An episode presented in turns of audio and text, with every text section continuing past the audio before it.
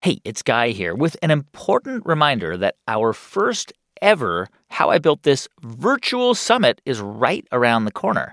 From May 24th to the 27th, we're bringing you inspiring conversations with some incredible entrepreneurs. You can learn how to build and lead a team with Brene Brown how to get the word out about your business with Gary Vee, channel your creativity with Adam Grant, and find power in community with Rashad Robinson. Also, each night I'll be hosting conversations about innovation and marketing and how to make an impact with some of your favorite guests from the show, like Cent Marshall, Sal Khan, Sadie Lincoln, Tristan Walker, and many, many more. If you're ready to build a better future and make connections with other people who want to do the same, then this summit is for you. You can learn more about it and get tickets at summit.npr.org. Thank you to GoDaddy, the presenting sponsor of this year's summit, and to our supporting sponsors, Dell Technologies and Bulldog Online Yoga. And I cannot wait to see all of you there. What did that mean? What did the recession mean for a restaurant like 11 Madison Park at that time? For us, it, it hit us really hard. We tried to operate at a four star level. Like we had f- so many meetings where we said, hey, we lost money, like huge amounts. I mean, we had nights where we had four guests in the restaurant. From NPR, it's How I Built This show about innovators, entrepreneurs, idealists, and the stories behind the movements they built.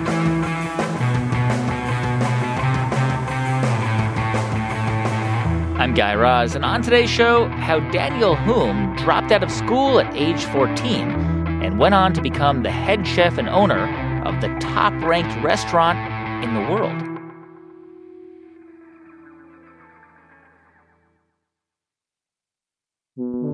When a company's entire business model isn't working, it may be time to pivot.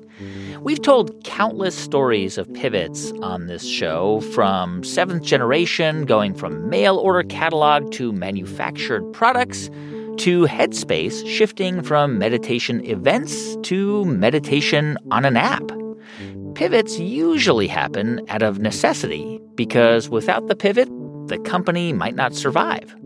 But what happens when you make a pivot, a huge pivot, when business is going well, when people actually love what you're doing? Well, that's what we plan to explore on the show today. And the business we're going to talk about, it's not the type of business we usually profile on this show, but in some ways, it's one of the most typical businesses there is because it's a restaurant. Except for the better part of the past decade, it's been harder to score a table at this restaurant, 11 Madison Park in New York, than almost any restaurant in the U.S. Its owner, Daniel Humm, is considered one of the greatest chefs on earth. In fact, his restaurant has actually been named the world's greatest. There are Pinterest boards and Instagram accounts dedicated to Daniel Humm's dishes, like his diamond cut of turbot topped with scales fashioned from baby zucchini. It's a restaurant famed for its foie gras torchon, duck with daikon and plum, and smoked sturgeon cheesecake with caviar. There are diners who travel from Europe and Asia just to try these things. A few weeks ago, Daniel Humm reached out to us to talk about a momentous decision he was about to make. And he wanted to talk about it on the show. So while we don't ordinarily focus on news on how I built this, today's episode has some news. Because on June 10th, when 11 Madison Park reopens for dining after being closed for more than a year due to the pandemic, the restaurant will no longer serve food made from animals. 11 Madison will become vegan, an entirely plant based menu. Now, to understand how big a deal this is in the food world, imagine Tom Brady or Aaron Rodgers leaving the NFL to play flag football. Out of the 135 Michelin three star restaurants on Earth, not a single one is vegan. Chefs working at the highest levels rely on cream, butter, bones, duck fat, and pretty much anything from an animal to create their celebrated dishes. But something happened to Daniel Humm over the past year. The pandemic changed his life. It changed the way he thinks about food and, most importantly, the planet.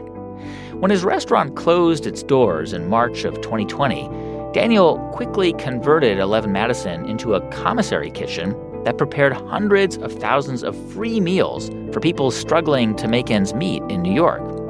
This past year, he faced the prospect of personal bankruptcy, the death of friends, and the furloughing of his entire team. He even contracted COVID himself.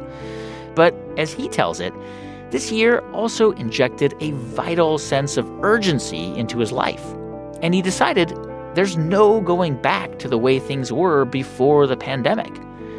But before any of this happened, Daniel Humm was honing his craft in San Francisco and Europe, learning how to be one of the world's great chefs. He grew up in Zurich, Switzerland, and had no real interest in food as a kid, even though, he says, his mom was a great home cook. Yeah, she was fantastic. My mom is uh, was half French and half Italian. She absolutely loved to be in the kitchen and to go to the markets and uh, I didn't learn so much about the cooking part, mm-hmm. but I learned a lot about the importance of the best ingredients, like going to a farm and picking up the lettuces and then going home and washing these lettuces. Yeah. And we I grew up very humble. You know, we would eat meat only on the weekends. Hmm. So there was this real uh, respect for the ingredients and for the meat as well. And then, of course, we would use every part, make a soup from the bones, and so forth. So that was a really great lesson just to use every part of it. And what, what about your dad? I, he was an architect. So, I mean, was he? Yeah, definitely a more difficult relationship. Growing up, it seemed like nothing was ever quite good enough. You know, I wasn't. Hmm good enough in school. I wasn't doing enough homework. I wasn't doing enough work at home to help out my mom. Uh, you know, early on, I started uh, running cross country. I was really good. Um, I was competing in the nationals, and I even won the nationals twice. And uh, but um, it was always not quite good enough. Hmm. If I won, then maybe the best other ones weren't maybe they were injured and they weren't you wow. know racing that day and yeah hmm. And, i read that you also got into cycling as a kid. I mean you became like a really serious uh, competitive cyclist i think like mountain bike racer is that right?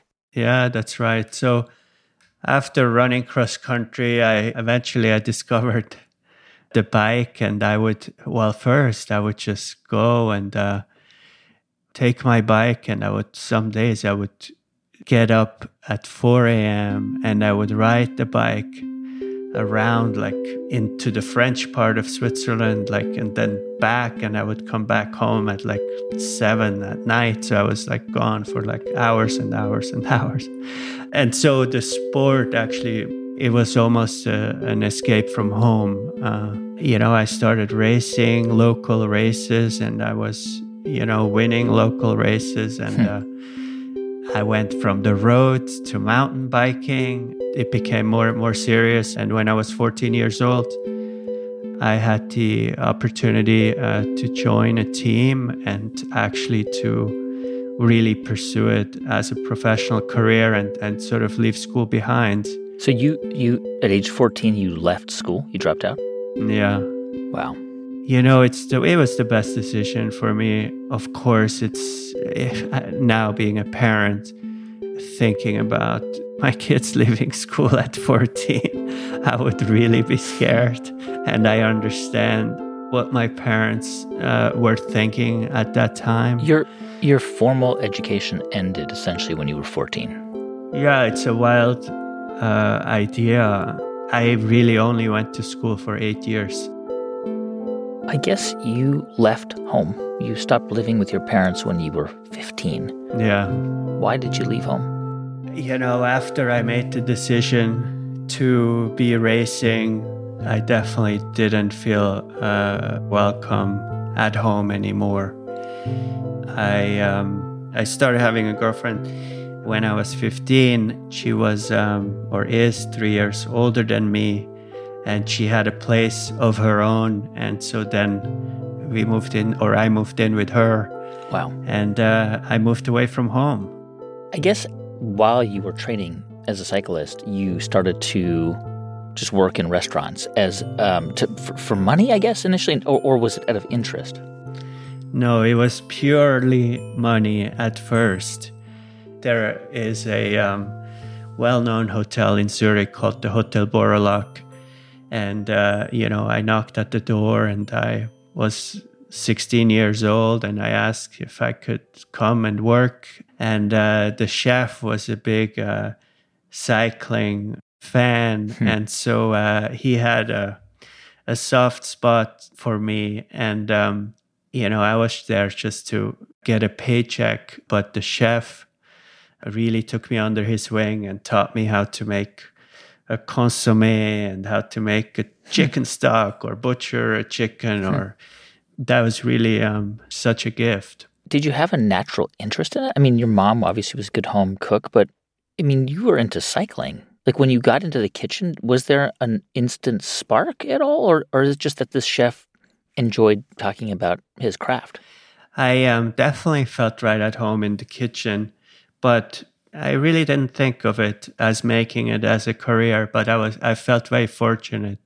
The chef almost became a little bit of a father figure at that time, and I made great friends as well. And so I, I felt very um, at home there. And and by the way, you're still living with your girlfriend, who I think, I think when you were 18, you had your first child, right? Yeah, that's right. Wow.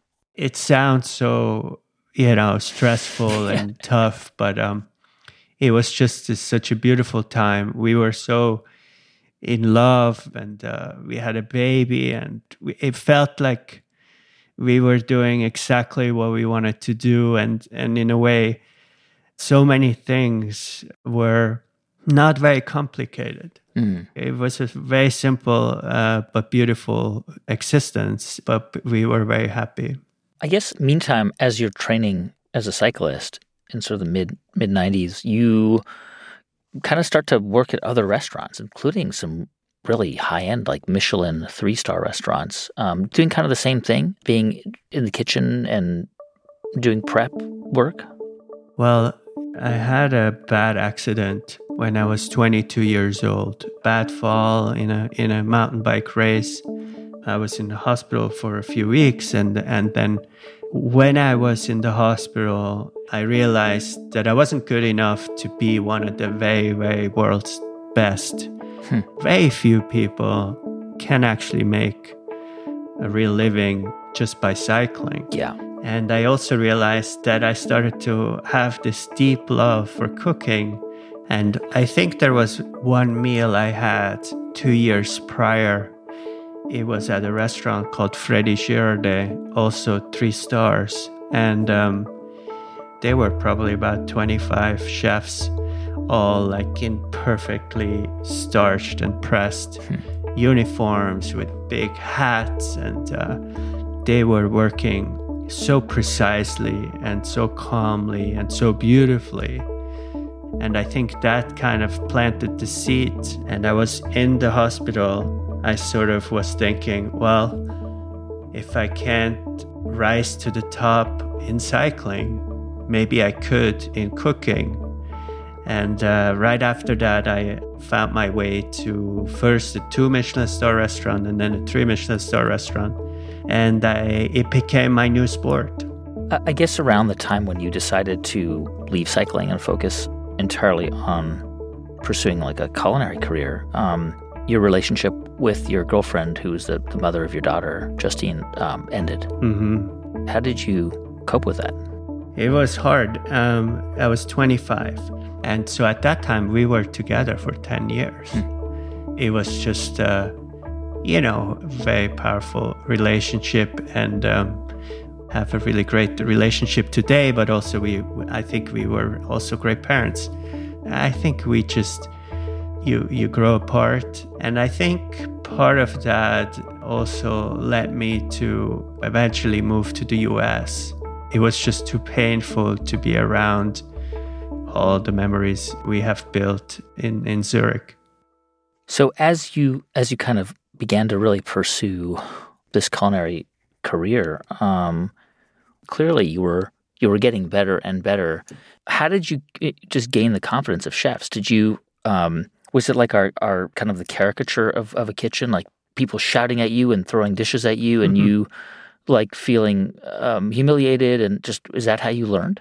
I mean, there was definitely a lot of that, and it was pretty uh, an intense environment.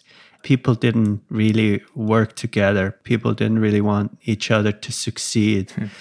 And it was this really, really old school way. Like, for example, um, the chef always would go to the farm every morning mm. by himself at like seven in the morning. We would arrive at eight. And one time I was carrying garden peas and um, one fell down. And uh, on the way back, I stepped on it. And he saw that. I think in the three years that I was there, I think he never forgot that. He was so upset because he went every morning to get these garden peas. And he, every single piece, from the tiniest morel to the tiniest piece, was just so precious mm. to the point where we counted them. Hmm. it was extreme. Uh, it was it was a pretty extreme uh, environment. Yeah. Did you feel when you were? I mean, because you were one of what twenty five or thirty people inside that kitchen. Yeah. Did you feel when you looked around that it was different than when you looked around at your fellow cyclists? When you looked around at those other chefs, did you think, you know what? I think maybe I, I have the potential to be the best person here? I don't know if I thought that at that point. In the beginning, it was all about really learning the craft.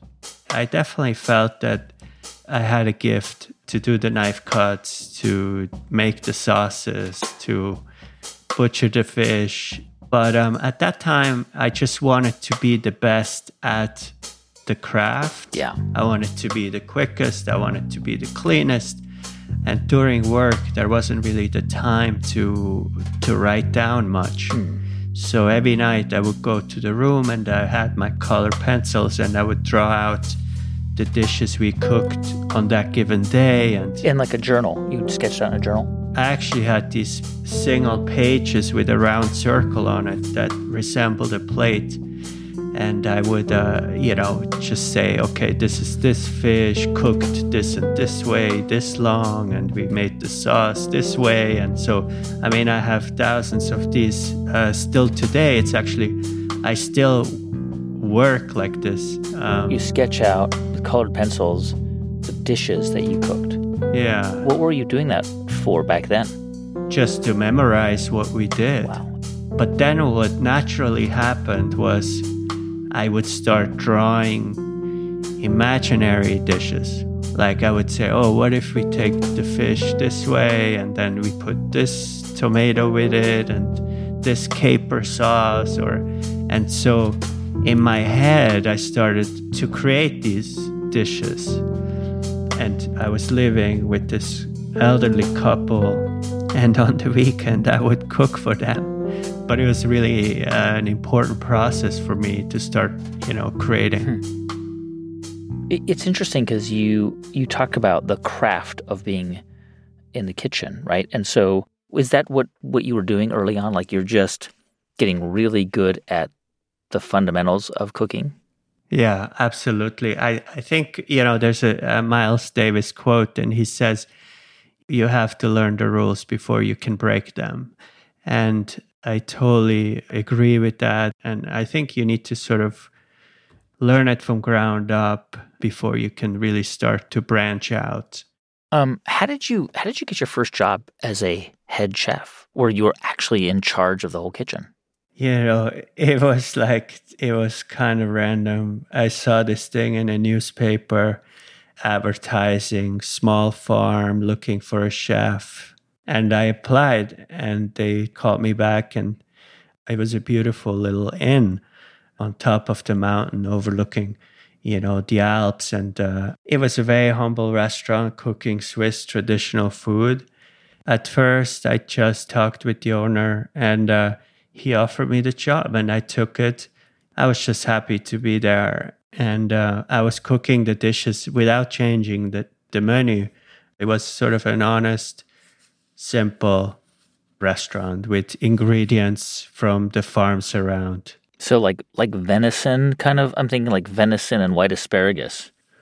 Yeah, I think we definitely had venison in the game season. We had suckling pig and uh, I mean, they even had tripe on the menu and like you know veal liver and things like that. And and this is not a restaurant. I'm imagining that is getting a lot of attention because it's it's like in a tiny corner of Switzerland in the Alps, right?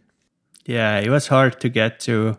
We had like 12 to 20 guests, but then the owner was a lover of gastronomy and food, and so he would bring his friends and then I started to cook a little bit more special dinners, things that weren't on the menu. And then people started like really loving some of the stuff.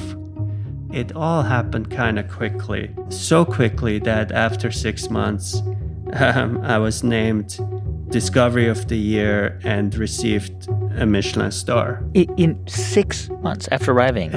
and and yeah. I, mean, I think a lot of people know what that means. I mean, Michelin, the Michelin guide is uh, certainly for cooks is like, it's like the Oscars.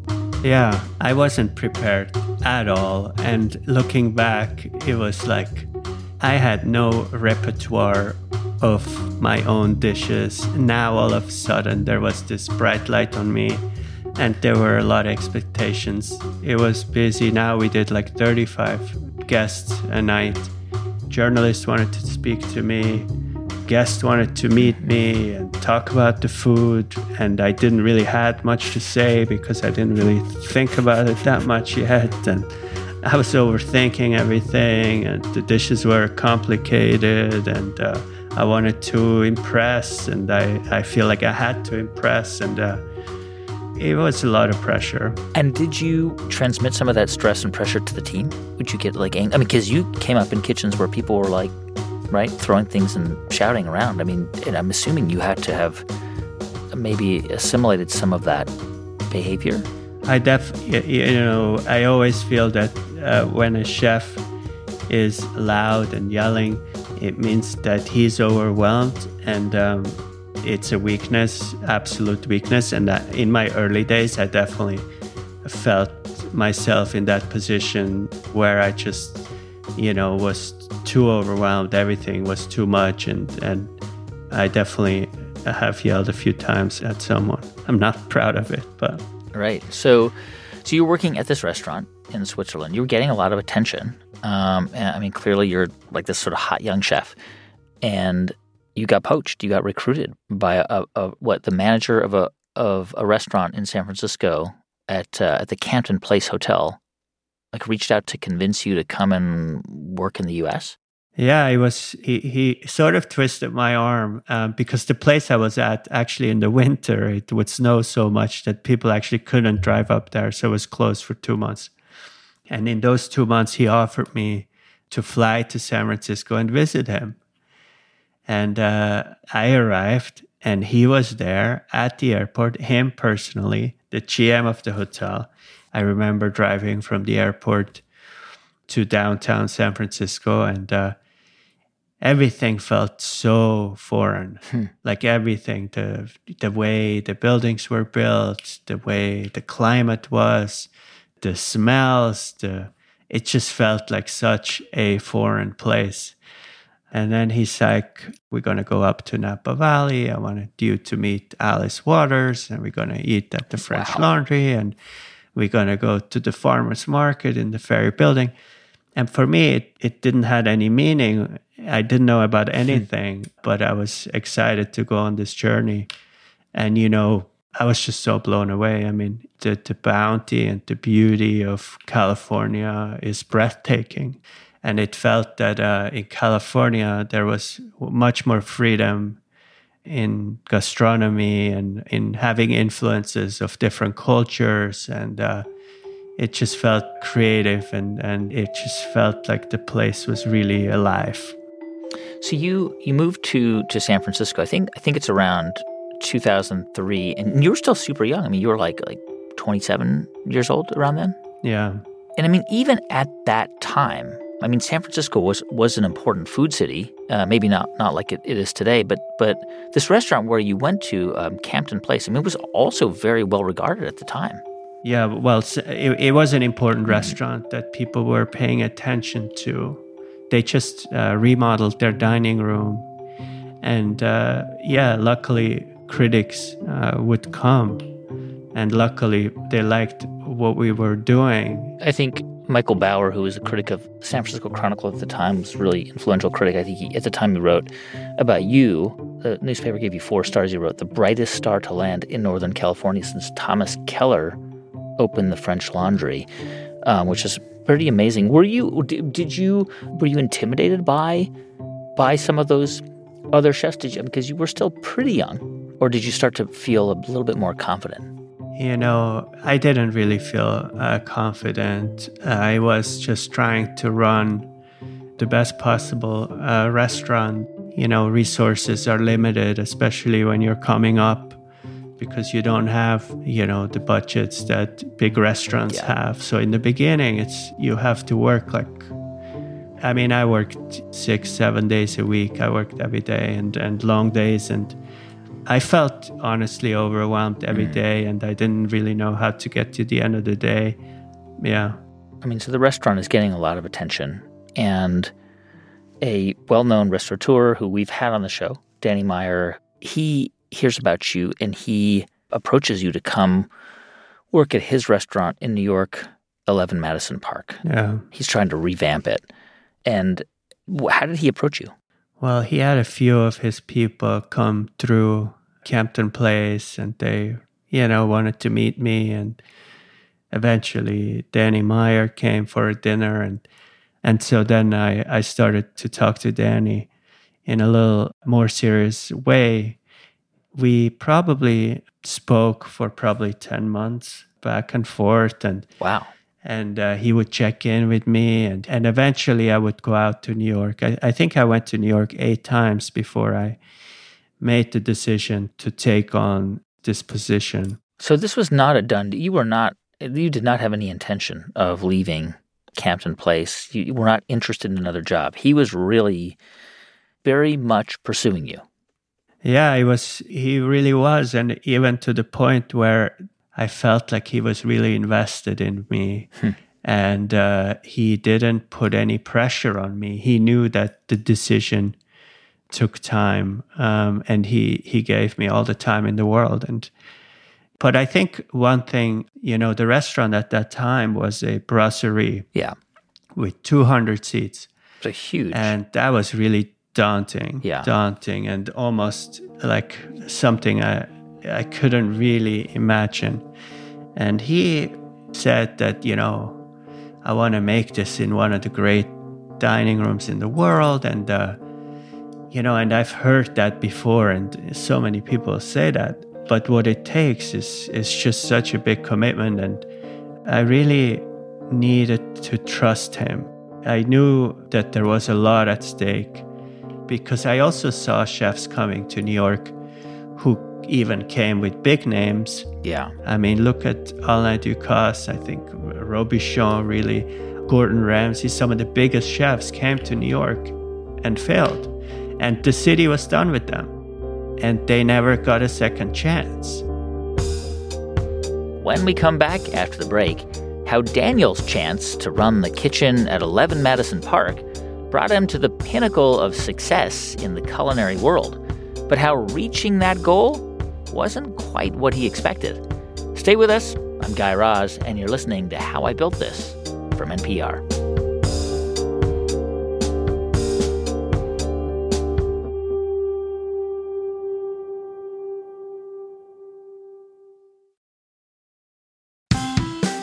This message comes from NPR sponsor Vanta. If your startup doesn't have SOC 2, you can't close major customers. It's that simple. Vanta is trusted by over 1,000 SaaS companies to automate the time consuming and expensive process of preparing for a SOC 2 audit. Vanta integrates with your cloud provider and tools, creates a customized to do list, and continuously monitors your security. so you can focus on growing your business. Learn more and redeem a $1,000 off coupon at vanta.com slash NPR. Thanks also to Edward Jones. Lately, it's been hard to think about the future, but thinking about the future is human nature. At Edward Jones, their 19,000 financial advisors work to provide you with the individualized answers and attention you need right now. They listen to understand what's important to you, then work with you to create a personalized investment strategy. All so you can get back to drafting dreams and building your future. Edward Jones, it's time for investing to feel individual. Visit edwardjones.com. A few years ago, a website popped up in Stockton, California, and conspiracy theories started ramping way up. And it's being funded by conservative movement underneath the table. And I was like, oh my gosh, you guys, people really believe this. What happens when the local news outlet isn't fact checking conspiracy theories? Maybe encouraging them. Listen now from NPR's Invisibilia podcast. Hey, welcome back to How I Built This from NPR. I'm Guy Raz. So it's 2006, and Daniel Humm moves to New York as the new executive chef at Danny Meyer's fine dining restaurant, 11 Madison Park. And from the very beginning, Daniel finds that running a top kitchen in New York City is even more intense than he'd imagined it was one of the hardest things I've ever done. Um, people always have a hard time with change, and uh, you know, it was serving seafood plateaus and steak frites. And uh, when I started removing some of these staples, we would receive letters, and this restaurant is going to close. It's never going to succeed, and and then the size of the restaurant, it wasn't like a 20 or 30 seat restaurant. Yeah. But I think one of the things I somehow realized early was that as a chef, you can only be successful if you can also manage your business. Mm. And only if the restaurant makes money, there is a future for it. Uh, a lot of people try to allure you with this very wealthy guy who wants to have this restaurant, yeah. and it's sort of like his passion project these things never, ever, ever work out because people get bored of it. It only works if it makes money. Yeah.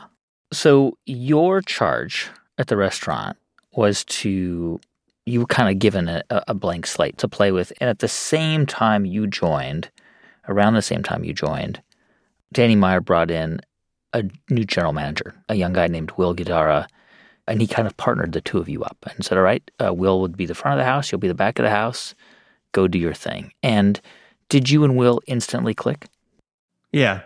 You know, we both, I think, benefited from our different experiences. Will grew up in America, in New York, worked with Danny Meyer, and Danny Meyer, you know, is well known for for his hospitality. So Will brought a lot to the table. And I, I think hospitality is arguably more important than even the food. I think the food maybe brings the guest to the restaurant, but then the hospitality makes makes the guest uh, return and return. So we kind of really intertwined. Uh, yeah, we started to really uh, think in a very similar way. I think one of the earliest reviews that the two of you together received was from a writer for the New York Observer, and she gave the restaurant three and a half out of four stars. Which was pretty great. In this review, the writer, her name is uh, Moira Hodgson, called you a star. But in the review, she said the dining room needed, and this is a quote, a bit of Miles Davis.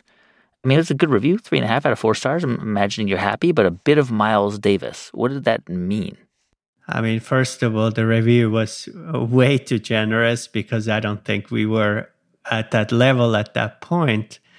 But um, yes, we were happy with the review and we were pretty perplexed about more Miles Davis. We didn't exactly know what she meant. But we were intrigued by it, and uh, we started to read about Miles. And we made a list of 11 words that we saw most commonly used to describe Miles. And uh, some of the words were cool, endless reinvention, forward moving, light, innovative, and so forth. And we look at the list of words and we're like, wow, this is exactly what we needed. In particular, cool was a great word because fine dining restaurants at that time, you know, didn't really feel that cool. They felt a little stuffy. And uh, Miles became the creative sort of inspiration for the restaurant. And there are pictures of Miles in the restaurant today, and there's the 11 words. And uh, even today, we always think about, you know, these 11 words when we make big decisions. It's, it's I mean, amazing because, you know, this reviewer probably just wrote this line and turns out that, that her review had a huge impact. Uh, I mean, you guys took her words and absorbed them and thought, okay, let's see how we can be better. And you literally started listening to Miles Davis music because she wrote it needed a bit of Miles Davis. I mean, yeah, I mean, eventually we invited, like maybe six years later, we invited her to dinner because we were also exactly saying the same thing. It's like, does she have any idea what that meant for us? And she didn't. Wow. And she was just blown away you know, Miles had such, he created so many different genres of jazz. He constantly reinvented himself. He took risk, he was innovative, but he also, you know, knew the rules. He was an incredible artist. Meantime, you're getting more attention, and the restaurant eventually got three stars, a three star review from the New York Times, which is a great review. And I imagine it was it was getting busier and busier. And then September 2008, uh, Lehman Brothers collapsed. Um, what what did that mean? What did the recession, the beginning of the financial crisis, mean for a an expensive fine dining restaurant like Eleven Madison Park at that time? It was really tough, especially you know we we were sort of not the most expensive, but we were also we were on a path to get from three stars to four stars, and so we operated at a higher expense of what a restaurant usually would. And these are New York Times stars, we should be clear, because Michelin is three yes. stars maximum, but New York Times is four stars maximum. You're right. And so you were thinking, we want to get a four star review from the New York Times, because that's obviously. Yeah. Yes. So we put so much behind this effort and, and financial too. We try to operate at a four star level but we didn't charge the four star prices. That's just how this game works. And then the crisis happens. And so the only time people now would go out and spend money was to a restaurant that was established or to a restaurant that was simple and casual. Yeah. For us, it, it hit us really hard. Like we had so many meetings in those six months where we said, hey, we lost money every month, like huge amounts. I mean, we had nights where we had four guests wow. in the restaurant. Hmm.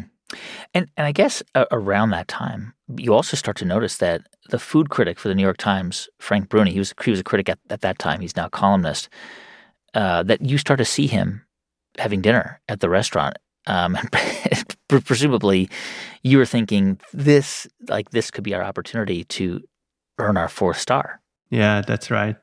But we knew that he wouldn't give four stars to a restaurant that had like six customers. Yeah. So on nights that we thought he would come, we would invite a bunch of people, friends, regular guests. So the restaurant felt hmm. full when he came. Um, and you and you guys were. I mean, this is restaurants do this. They've got all kinds of tricks to recognize. Even if a reviewer wears a disguise or yeah, I don't know, or like a mustache or whatever, yes. you knew who he was. We knew who he was, and you know, we would have like all kinds of phone numbers that he would use to make the reservations. We knew how he looked like. We had all kinds of tricks. I don't know if we always caught him or spotted him, but at times we did. And so we saw him coming back and uh, he had the meal. He called the next day. They said, Oh, he will have some questions about the menu. They want to come take pictures of the dining room. The review will come out in four days. And uh, I think it was August 2009. the review came out, and it was a glowing review. And uh, we never had an empty seat uh, since that day. In that review, he wrote The restaurant now ranks among the most alluring and impressive restaurants in New York. Four stars, which is, I mean, they give maybe one four star review a year, if that. Yeah. And uh, that that was it. That, at that point, it was impossible to get a reservation, or not impossible, but the restaurant was just packed every night.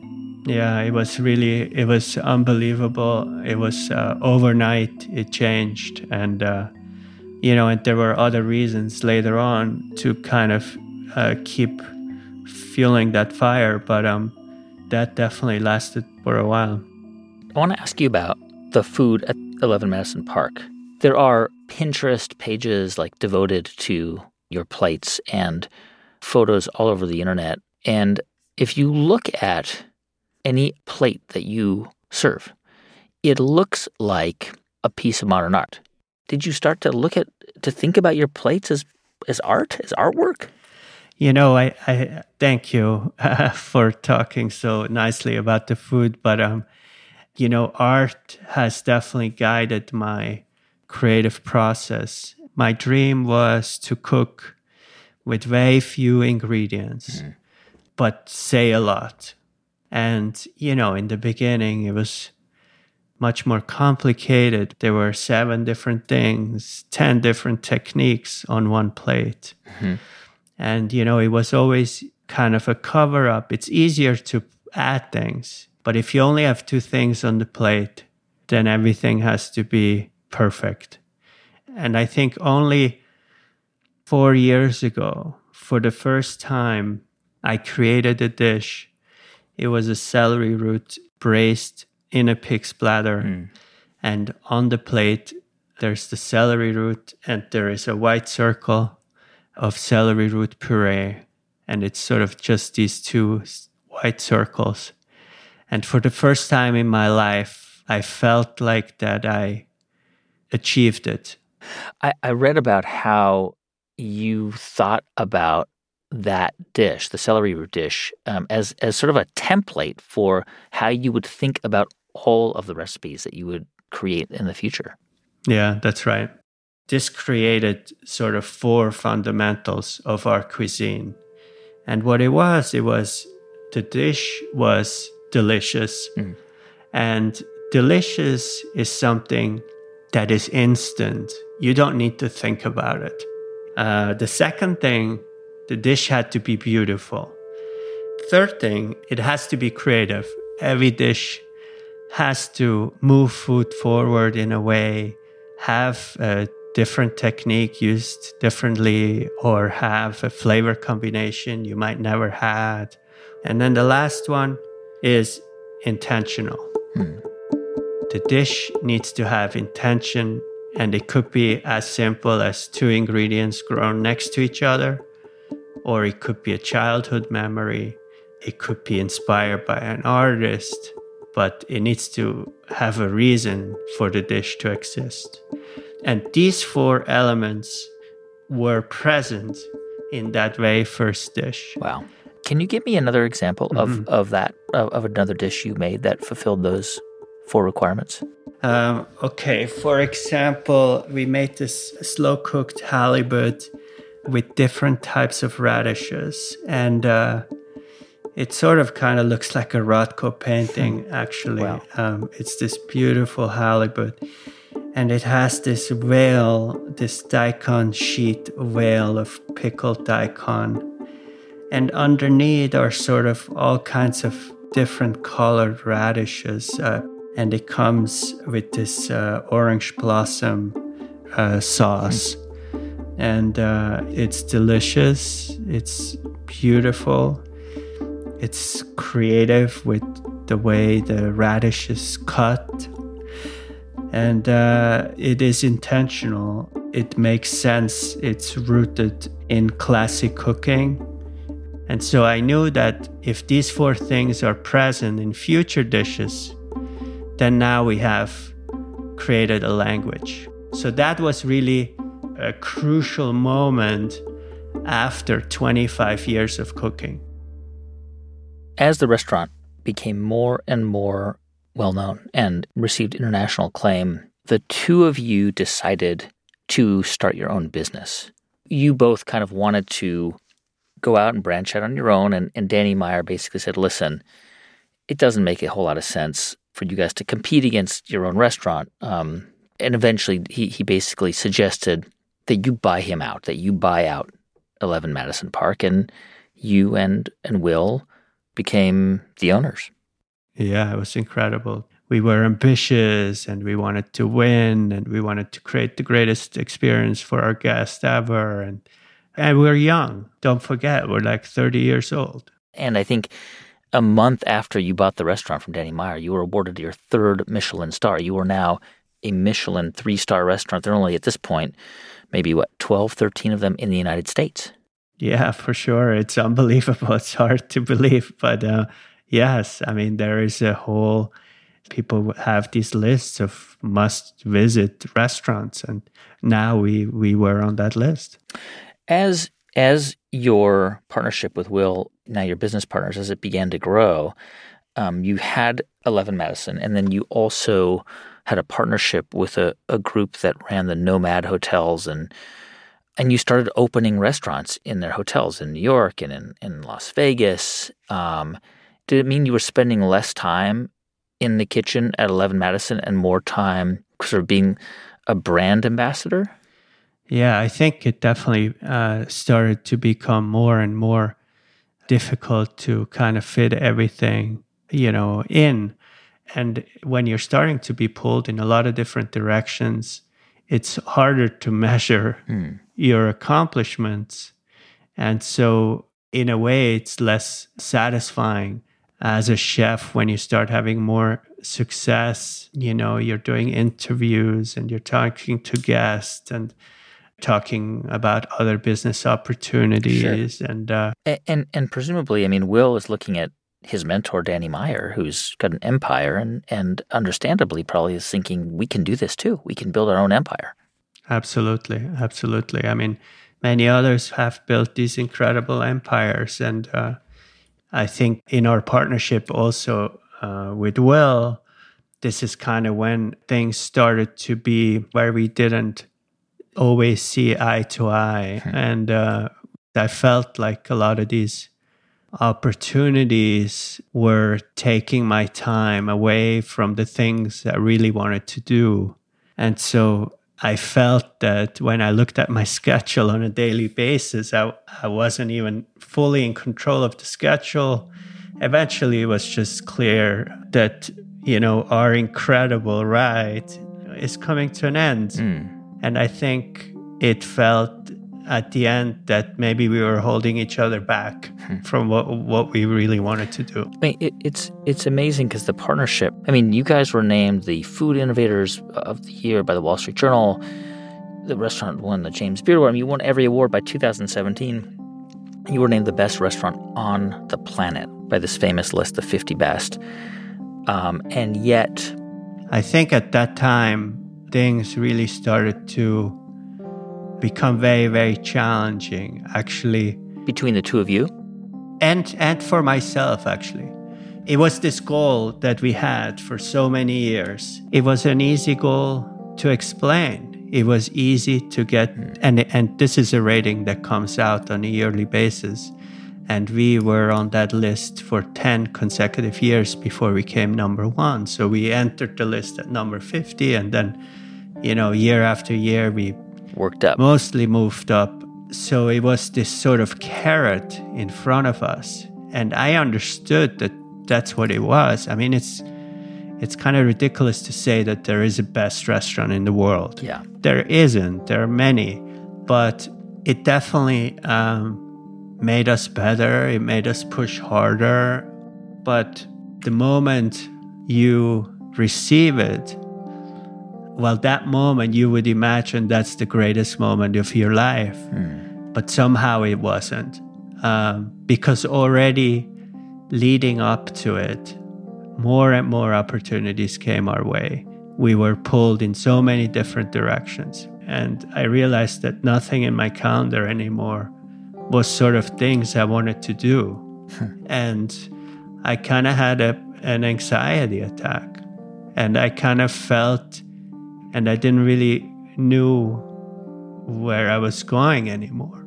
I mean, it sounds like you were you've been awarded uh, you reached the highest levels of your profession. Yeah.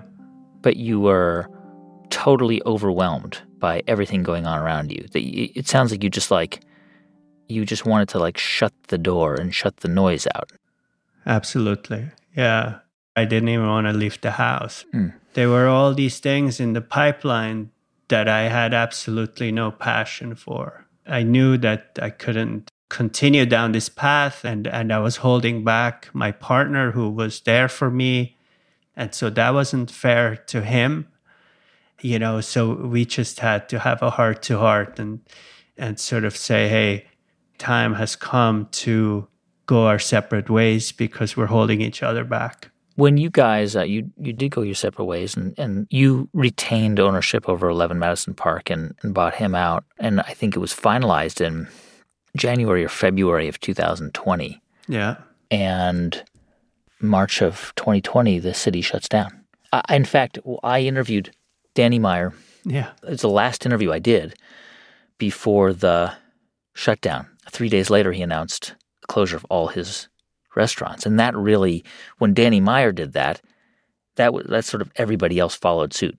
I mean, New York was this was the global epicenter of that pandemic in the spring of 2020. Yeah, it, it was. Um, it felt like it it happened overnight, and uh, we were busy until the last moment, until we closed. It was a Sunday night. You know, we said, "Oh, we're going to close for the next two weeks," and uh, be safe and uh, hmm. let's clean up the restaurant and we'll see each other soon. And uh, still till today, you know, most of that team, we haven't seen each other. Um, 11 Madison Park has two, had 200 employees at that time. Many of them were from all over the world. And of course, people had to go back to their countries, their visa expired everyone had sort of uh, figure out how how to survive. This team was working together. A lot of this team was together for 10, 12 years. And, um, you know, we were family. We went through so much together. And uh, at that one day, it was our last service, and uh, we closed the doors. And it's, it's pretty um, is devastating. When we come back in just a moment, how what happened during the pandemic totally changed how Daniel thinks about food, about business, and about the mission of his restaurant. Stay with us.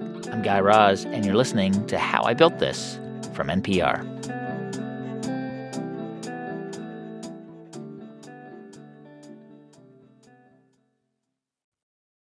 The following message comes from NPR sponsor Ameriprise Financial. VP Marcy Keckler explains why financial advice should look beyond the now. Getting financial advice that is holistic means getting financial advice that reflects your near term needs, but also making sure you have investments over the course of what hopefully will be a long and happy retirement. To learn more, visit ameriprise.com slash check. Ameriprise Financial cannot guarantee future financial results. Ameriprise Financial Services, LLC, member FINRA and SIPC.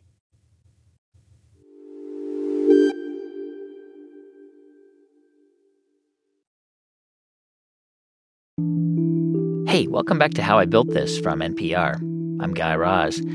So, the pandemic hits New York, and it hits hard. 11 Madison Park shuts down, and Daniel has to furlough his employees. And the city goes into lockdown. And after a few days in shock, Daniel starts to look around to see where he can volunteer to help. So he decides to go to soup kitchens. And uh, as I'm going through these different soup kitchens, I'm seeing they're all shutting down because they rely on volunteers who, a lot of them are elderly, who are yeah. now scared to come yeah. in and so it's just the problem is just getting worse and worse in front of my eyes. I knew that I had this restaurant of a kitchen that now was empty.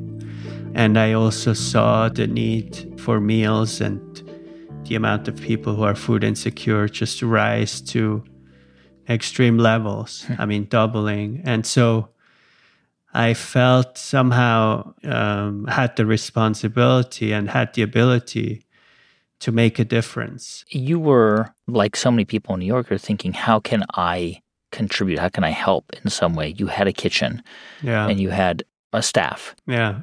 And so, two weeks from the day we uh, shut down the restaurant, we turned the lights back on at 11 Madison and we started producing meals. And uh, as we started doing the work, and as we also we went into these neighborhoods to give away the food and just seeing the situation and seeing how grateful everyone was, and mm. it really I think, you know, I, I saw New York that I didn't know. I spent times in neighborhoods I've never been to. You know, it, it felt so good to be able to make a small difference. But how did you convince your team to come and work? I mean, weren't people were freaking out about safety? This is before we understood that masks could actually really protect us. And Yeah. I have to imagine that a lot of employees were didn't want to come in to the kitchen. Yeah, it was even some of my strongest people. You know, maybe they have a family, maybe they have someone elderly at home. Yeah. They couldn't take the. It, it was eight people out of 200. Eight people came. Eight people came. And i remember being in that kitchen that morning and looking in everyone's eyes and everyone was me included full of fear. I mean people were so scared walking down the street being in the apartment building in the staircase. You know there was also early days. It was sad like a good friend of mine who had the restaurant next door to me floyd cardoz he unfortunately died on COVID. So it was um you didn't really know what to make out of this virus. But the fear kind of went away, not fully, but definitely a lot. You you were basically making catering sized meals. You're you're going from paper thin slices of baby courgettes uh, to sheet pans of chicken roasting in the oven. Yeah. But you know that that was so beautiful. Like I got reconnected with a part of food that I wasn't connected anymore. and uh, sort of the food for nurture. Giving these meals to people who, you know, are food insecure. And it, it was so uplifting and so beautiful. And it was a gift to me in the end because I was able to connect with food in a whole new way. You know, we have continued today still. Um, we've we've cooked over one million meals out of the kitchen of 11 Madison Park Wow. since March. It's been some of the most meaningful uh, work in food that I've done.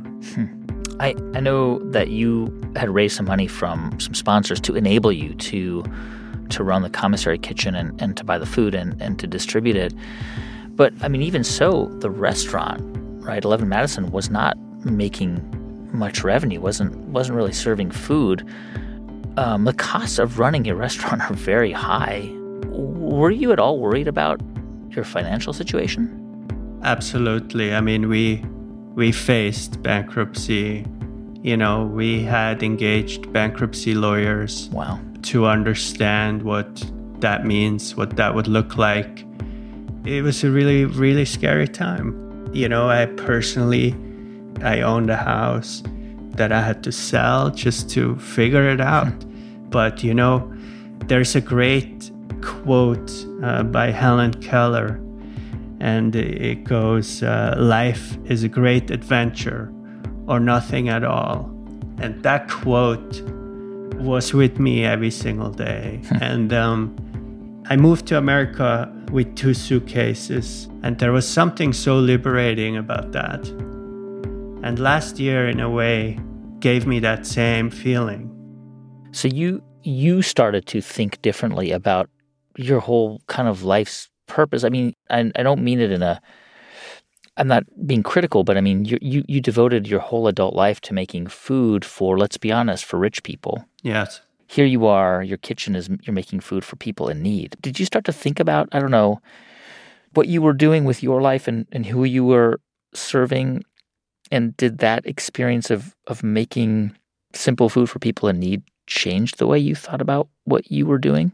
Yeah, I think uh, absolutely. I think that's why the whole thing started to feel a little bit empty, even reaching the highest, you know, honors in our industry. Yeah. At the same time, I have a deep love for cooking as art and as a performance in a beautiful space with a world class team, and and that obviously has its price, Yeah. as it does when you go to a Broadway show Sure.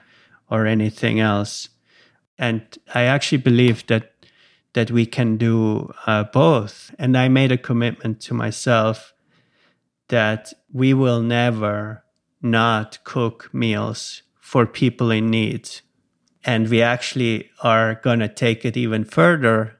And when we do reopen the restaurant, we also made the commitment that part of the price of the reservation will go w- towards meals for people in need.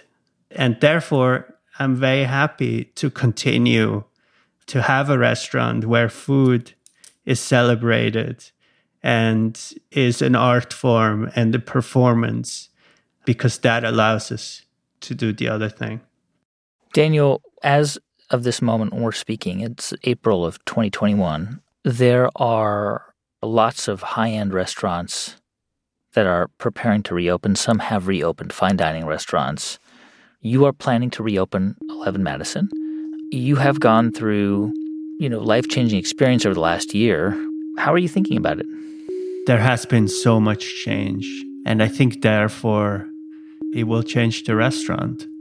I think we all been able to take a step back and sort of reevaluate and in a way maybe be a little bit more thoughtful also about the impact to our surroundings and the way we have sourced our food, the way we're consuming our food, the way we eat meat. It is not sustainable. Yeah. And that is not a opinion. This is just a fact. So we decided that our restaurant will be 100% plant-based. So like like no meat, no animal products. Yeah, we decided we have to put our creativity towards a plant-based diet. Wow. I, I think it's important, Daniel, to point out how, how sort of momentous this decision is, especially at your level, because I think there are just a tiny number of vegan restaurants on the planet with a single Michelin star and, and none with three Michelin stars, right? And I I think, I mean, I, when I think of, about the tools of a chef, I mean, there are, there are things like butter and, and cream and demi-glace and sweetbreads, and, and you are not going to use or serve any of that anymore. You're, you're not going to serve anything from an animal at your restaurant. Yeah, that's correct. But I think the change will be in some ways subtle. Guests have never come to us to just eat a piece of steak or a lobster. They've always come to us to be on a journey and, and for us to uh, tell a story. And so we want people to say in the end, oh my God, I can't believe they didn't use butter and cream. And in the flow of the menu, we said, oh, this is sort of the moment uh, a caviar course used to be, or this is sort of the moment where braised meat would be. And, and so we're thinking about those mouth-watering moments and how can we accomplish them by using just vegetables. So I can give you a few examples, but we Yeah, please. we have these golden oyster uh, mushrooms. We roast them in the oven. We make a, a stock of kombu and mushrooms, and then we we glaze them and we roast them deeper. And so that stock really caramelizes around the mushrooms. And then in the end, we have this, we make this uh, from pine needles. We make this dehydrated pine needle mushroom powder that then we dust over it in the end. And so, you know, so it's like caramelized on the outside, soft inside, and juicy. And uh, I mean, the palate is massive if you think about anything that grows. And so we want to create a restaurant that meat eater Yeah. will be blown away by eating vegetables. Daniel, you are obviously not just a professional chef, but one of the greatest on the planet. So forgive me for this question because it's going to be a bit ignorant. My feeling is that cooking meat actually is easier. So, for example, when I need to put quick dinner together, I'll just get some chicken and roast it, or I'll I'll get a steak and grill it for you know f- f- four or five minutes aside, and that's dinner. Is there some is there truth to that idea that actually, when you eliminate meat and animal products from your repertoire, it's actually much harder and more time consuming. I think I've always felt this way that to really see the creativity of a chef is by watching them work with vegetables. Hmm. If you have a carrot and you want to make that into a meal, it's not so clear what direction you're going to go. It definitely requires more thought, more preparation, more organization, and then more time in the kitchen. And uh, time is almost a new ingredient. Mm. But of course, it's about deliciousness in the end. I, b- I believe that if the meal is delicious, we don't need to worry about. I think people will buy into it. But I think if we really want to push the envelope, this is the place where we have to do it. Um, you are not just a chef, you are also the CEO. You run a business. There are people who depend on you, there are people whose livelihoods depend on the success of you and your business. And it's a lot of pressure to carry on anyone's shoulders. Are you nervous about, about what you're doing? I think you're hitting a very important point and one that does bring some anxiety because this is our livelihood, many people's livelihoods.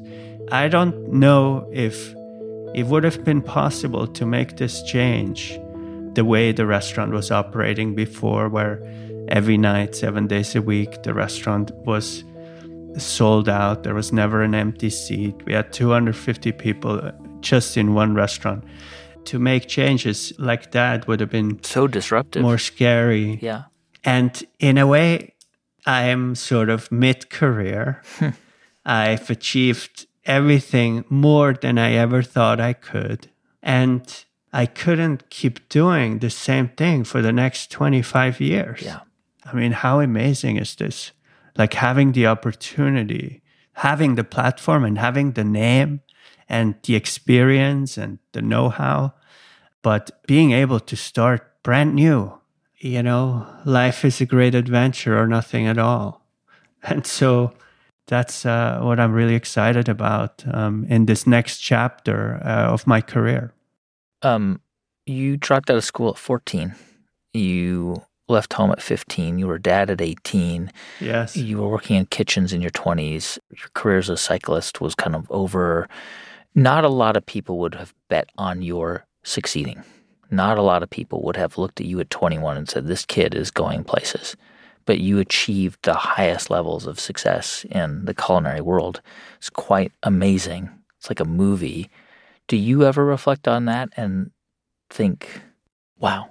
You know, there was, I went to school in Zurich, and at one time I was sent home because uh, in the art class, we were asked to uh, draw a house.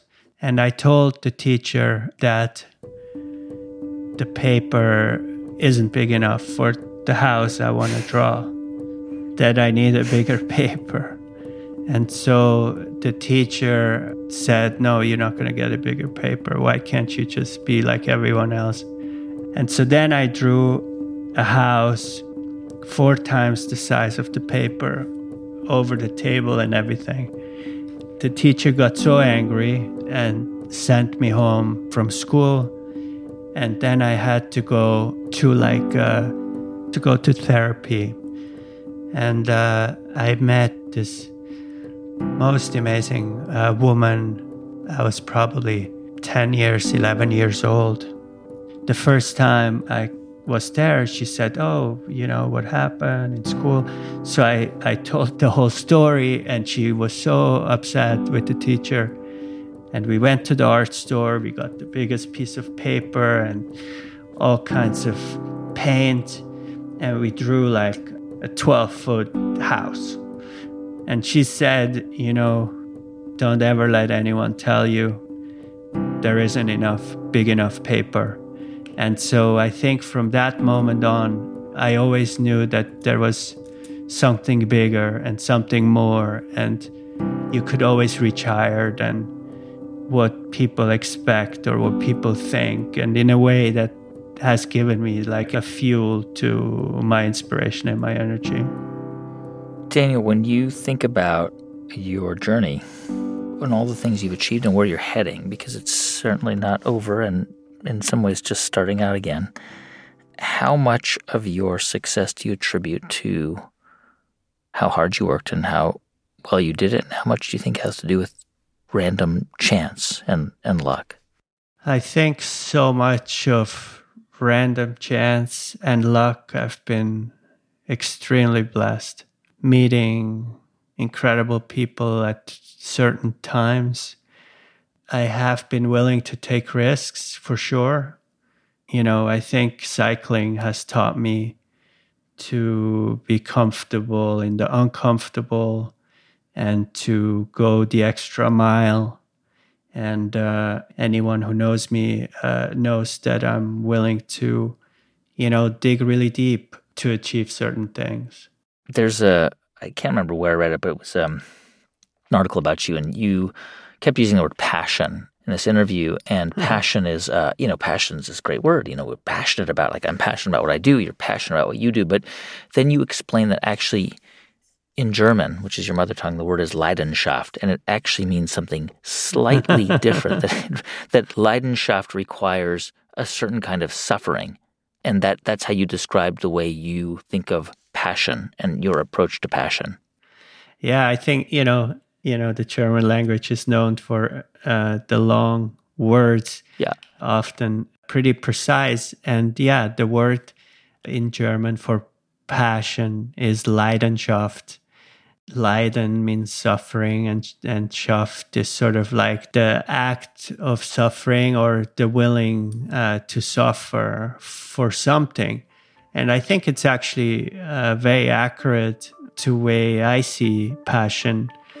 You really have to be deeply committed when you're passionate, and, and it's not a hobby. Uh, passion is really when you really want to dig deep, and uh, it's your life and blood, and you're willing to do anything for it.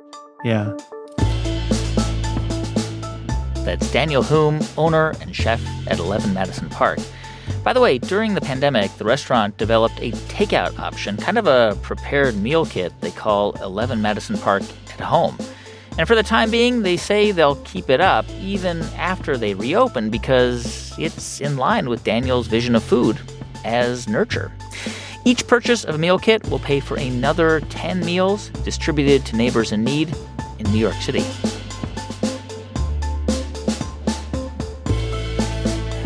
Hey, thanks so much for listening to the show this week. If you're not a subscriber, please do subscribe wherever you get your podcasts. If you want to write to us, our email address is hibt at npr.org. If you want to follow us on Twitter, we're at How I Built This or at Guy Raz. And on Instagram, you can follow at How I Built This NPR or my account at guy.raz.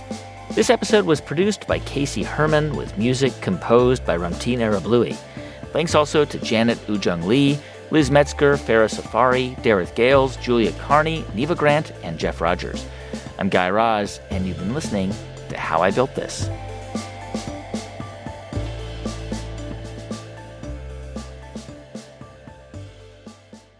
This is NPR.